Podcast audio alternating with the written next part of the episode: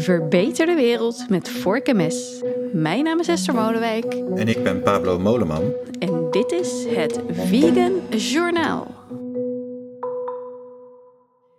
Ja, we hebben een uh, nieuwe rubriek, Pablo. Ja, en ik hoor dat je een leuke gast hebt uitgenodigd.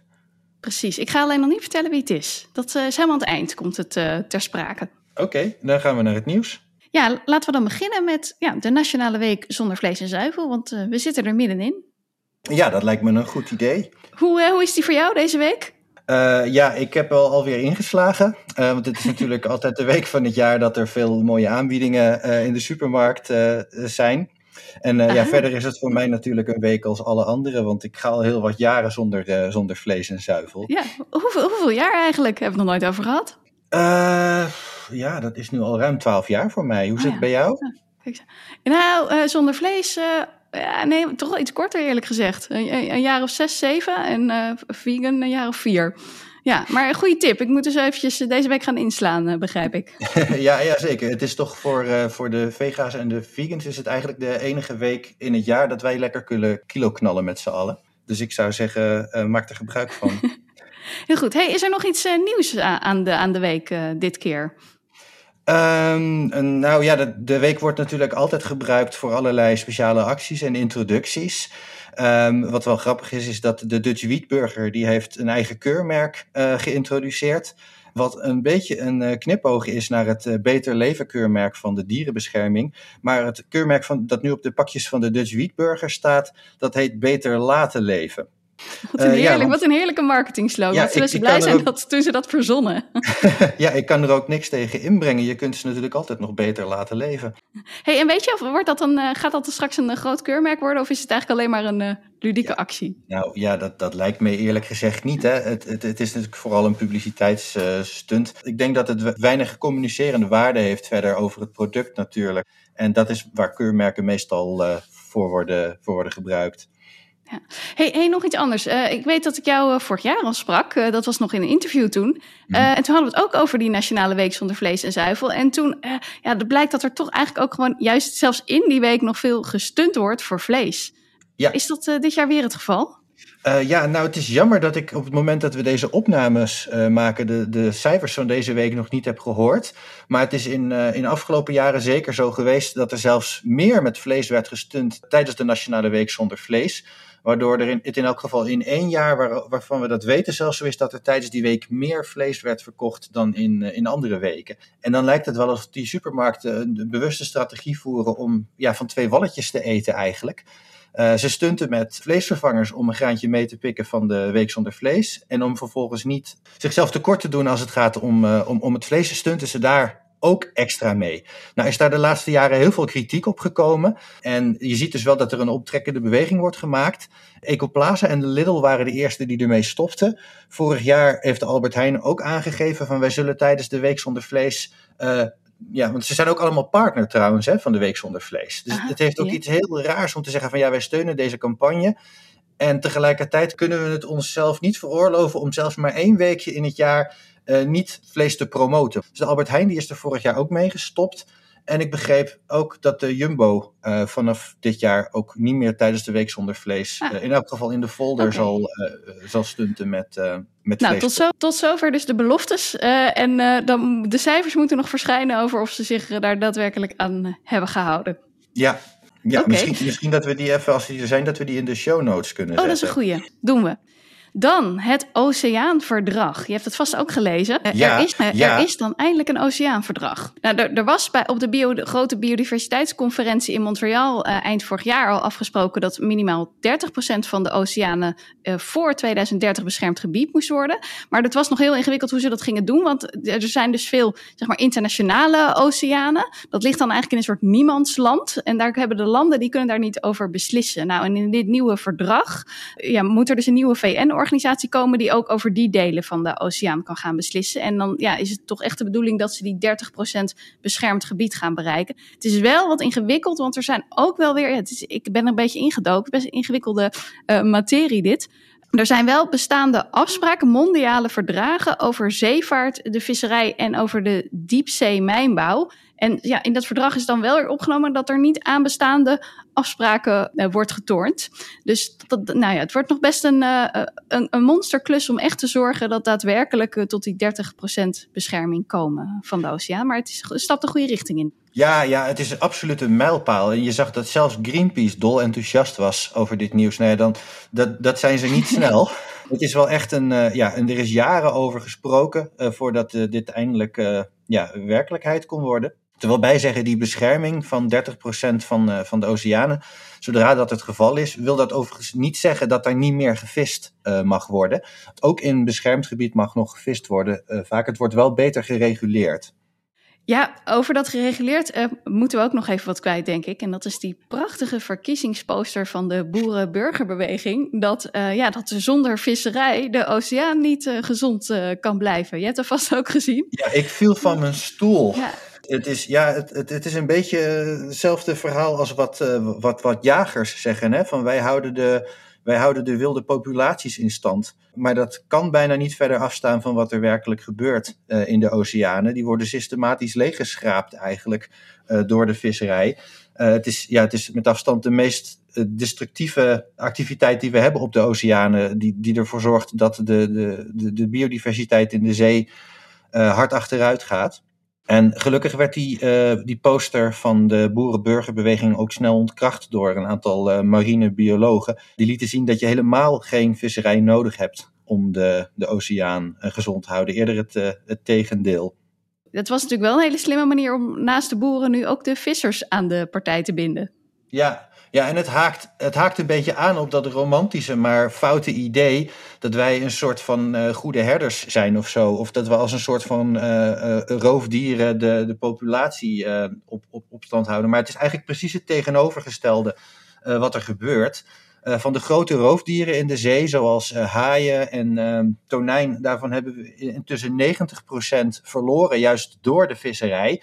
En je ziet dan wel dat, de, de, dat er tijdelijk uh, meer komt van de, van de vissoorten die bejaagd worden door die grotere roofvissen. Maar dat wordt ook allemaal weer weggevist. Uh, en zo wordt eigenlijk systematisch trapje voor trapje die hele oceaan uh, leeggeschraapt. Als we echt weer terug willen naar de biodiversiteit zoals die was, dan zou het het beste zijn dat we eigenlijk voor een aantal jaar volledig stoppen met vissen. Om de populaties de kans geven om te herstellen. Nou, laat ik over die hele onderwaterkwestie nou net een uh, interview hebben gehad met iemand die uit de handel van seafood komt. En uh, die komt volgende week uh, uit. Interessant. En dan moet ik nog iets kwijt over eieren. Want ongemerkt zijn we in Nederland veel meer eieren uit legbatterijen aan het eten. En dat is eigenlijk heel vreemd, want die legbatterij die is al meer dan tien jaar verboden in de Europese Unie. En je zult dus ook geen legbatterij-eieren meer aantreffen in het schap. Daar, daar liggen alleen uh, scharreleieren en vrije uitloopeieren, et cetera. Uh, maar in koekjes en pasta en mayonaise komen ze nog wel terecht. En nu steeds meer, want uh, die legbatterij-eieren die komen namelijk uit Oekraïne. En voorheen gold daar een invoertarief. Uh, om te zorgen dat die eieren niet konden gaan concurreren met de duurdere eieren uit Europa, waar we dus die, die legbatterijen niet meer hebben. Uh, maar vanwege de oorlog uh, om de Oekraïners te steunen, zijn, dus is als, ja, als steunmaatregel zijn die invoertarieven afgeschaft. En dat betekent ah. dus dat er nu weer legbatterij-eieren de Nederlandse markt opkomen. Oh, en ik kan me voorstellen dat de Nederlandse boeren daar ook weer niet blij mee zijn. Want die hebben natuurlijk zelf net de legbatterij afgeschaft. En nou komen ze weer concurreren op de Nederlandse markt. Ja, ja, nee, dat is inderdaad wel. Uh, er is wel sprake van oneerlijke concurrentie. Dus ik denk dat ze ook. Ze, zijn, ze ook, hebben ook wel gelijk uh, dat ze daarover klagen. En ja, ik denk dat het voor de consument ook heel vervelend is, natuurlijk. Dat je niet weet. Ja, dat je een kooi-ei aan het, uh, aan het eten bent met je, in een koekje of in een mayonaise. Ja, want kun je dat weten, Pablo? Kun je weten als je inderdaad mayonaise koopt wat voor een ei daar dan in zit? Nee, ze zijn niet verplicht om dat erop te zetten. Oké, okay, dus we kunnen eigenlijk geen tip meegeven aan de luisteraars. Ja, dat, natuurlijk wel. Go vegan. Of, of in elk geval, in elk geval uh, koekjes en uh, mayonaise zonder ei uh, te kopen. En die zijn tegenwoordig ja, in, in, steeds meer soorten te krijgen -hmm. natuurlijk. En dan de verkiezingen die komen eraan. Voor de provinciale staten en voor de waterschappen. En uh, mocht je nog uh, twijfelen of het nodig is om naar de stembus te gaan, uh, dit gaan best wel cruciale uh, verkiezingen zijn als het om het stikstofbeleid gaat. Ehm, dat heb je misschien ook wel gemerkt als je de debatten volgt, dat het onderwerp volop in de, in de aandacht staat. En het lijkt erop dat zowel de, de pro-stikstofpartijen als de anti-stikstofpartijen, dat die in deze verkiezingen ja, flink gaan winnen. En ja, de, de regering heeft juist uh, de uitvoering van het stikstofbeleid grotendeels bij de provincies neergelegd. En uh, ja, vandaar dat er ook best wel veel op het, op het spel staat.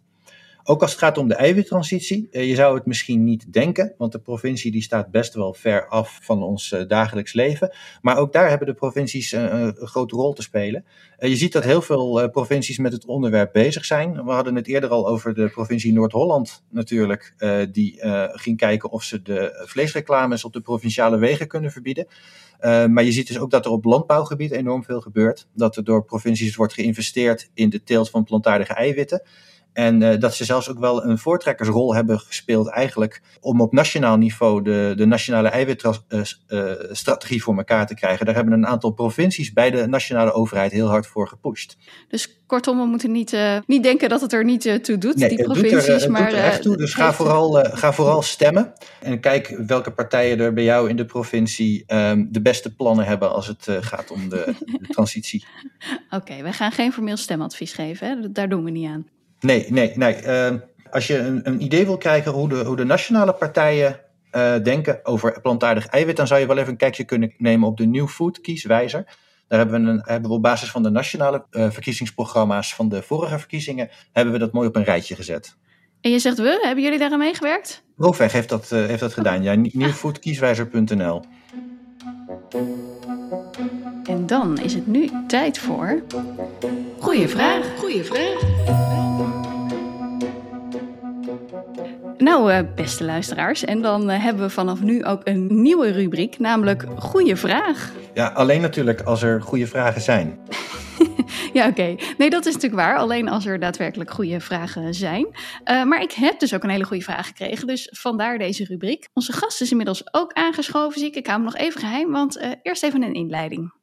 Na de vorige aflevering van Studio Plantaardig, die ik maakte op die V-beurs Eurotier, heb ik de luisteraars gevraagd om reacties. Nou, en ik heb ontzettend veel leuke, interessante reacties gekregen, dus echt bedankt daarvoor. Dat vind ik heel tof. En ik noem gewoon even een paar namen. Claudia, Gijsbert, Jos, Bibi, Guido, Kimmy, Carla, Michiel, Lenneke, Rut, Mark, Ruud, Jolanda, Belinda, Annemarie en natuurlijk boswachter Rob.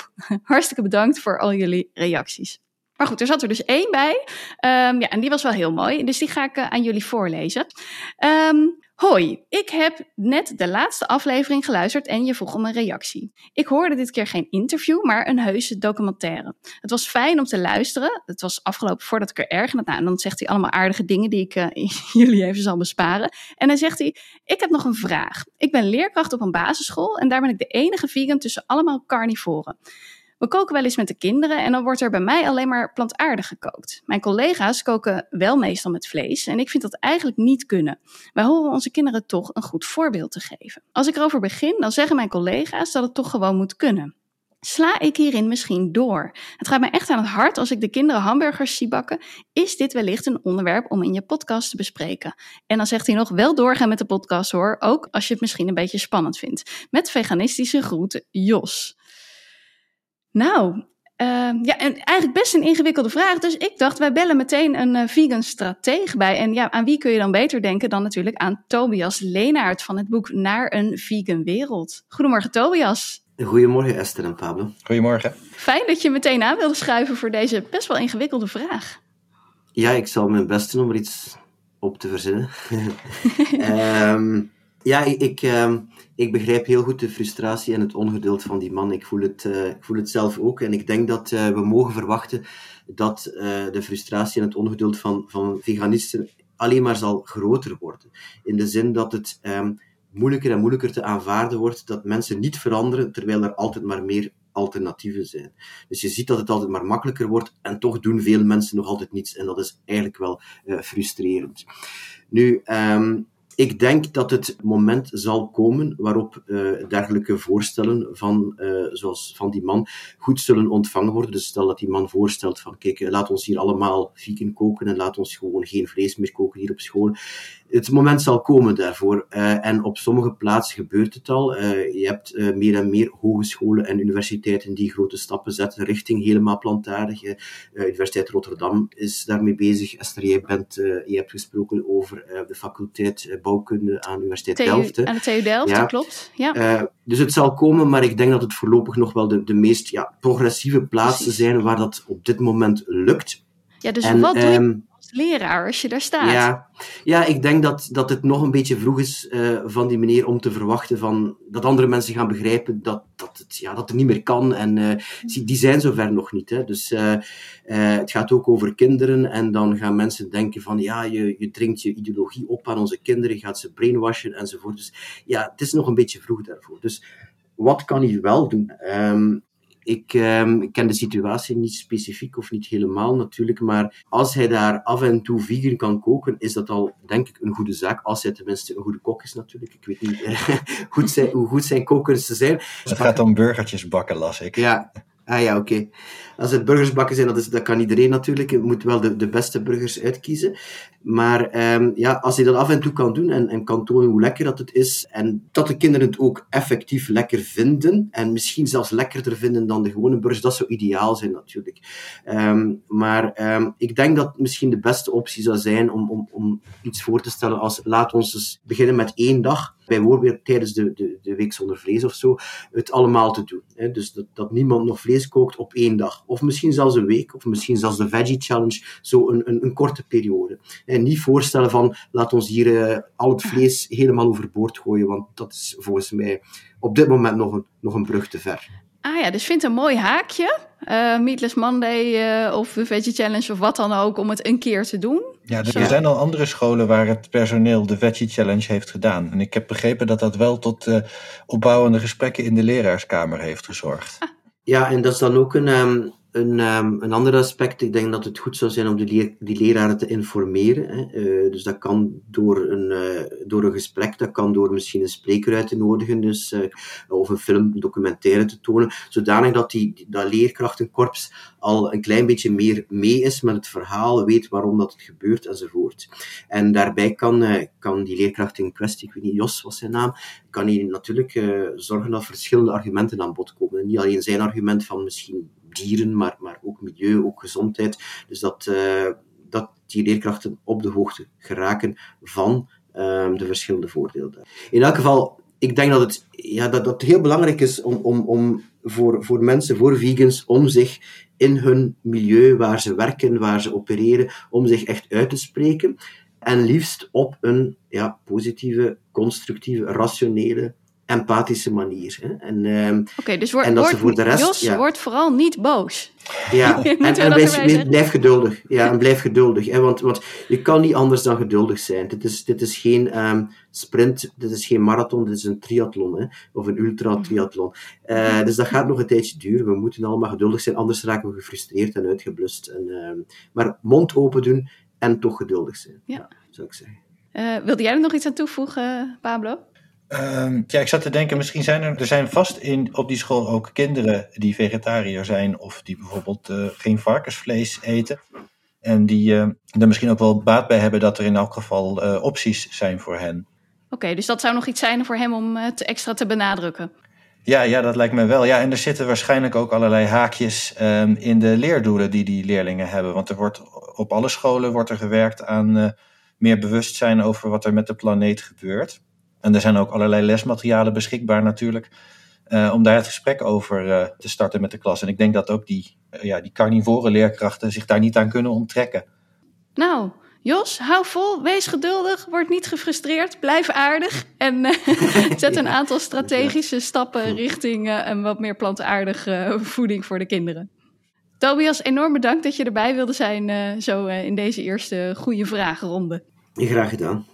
Ja, en zijn, als er nog meer mensen zijn die een goede vraag hebben, eh, bij wie kunnen ze dan terecht? Oh ja, hele goede. Waar, waar kunnen ze dan terecht? Goeie vraag, uh, Pablo. dan kunnen ze terecht op uh, info.studioplantaardig.nl. Tot okay. tot over twee weken weer.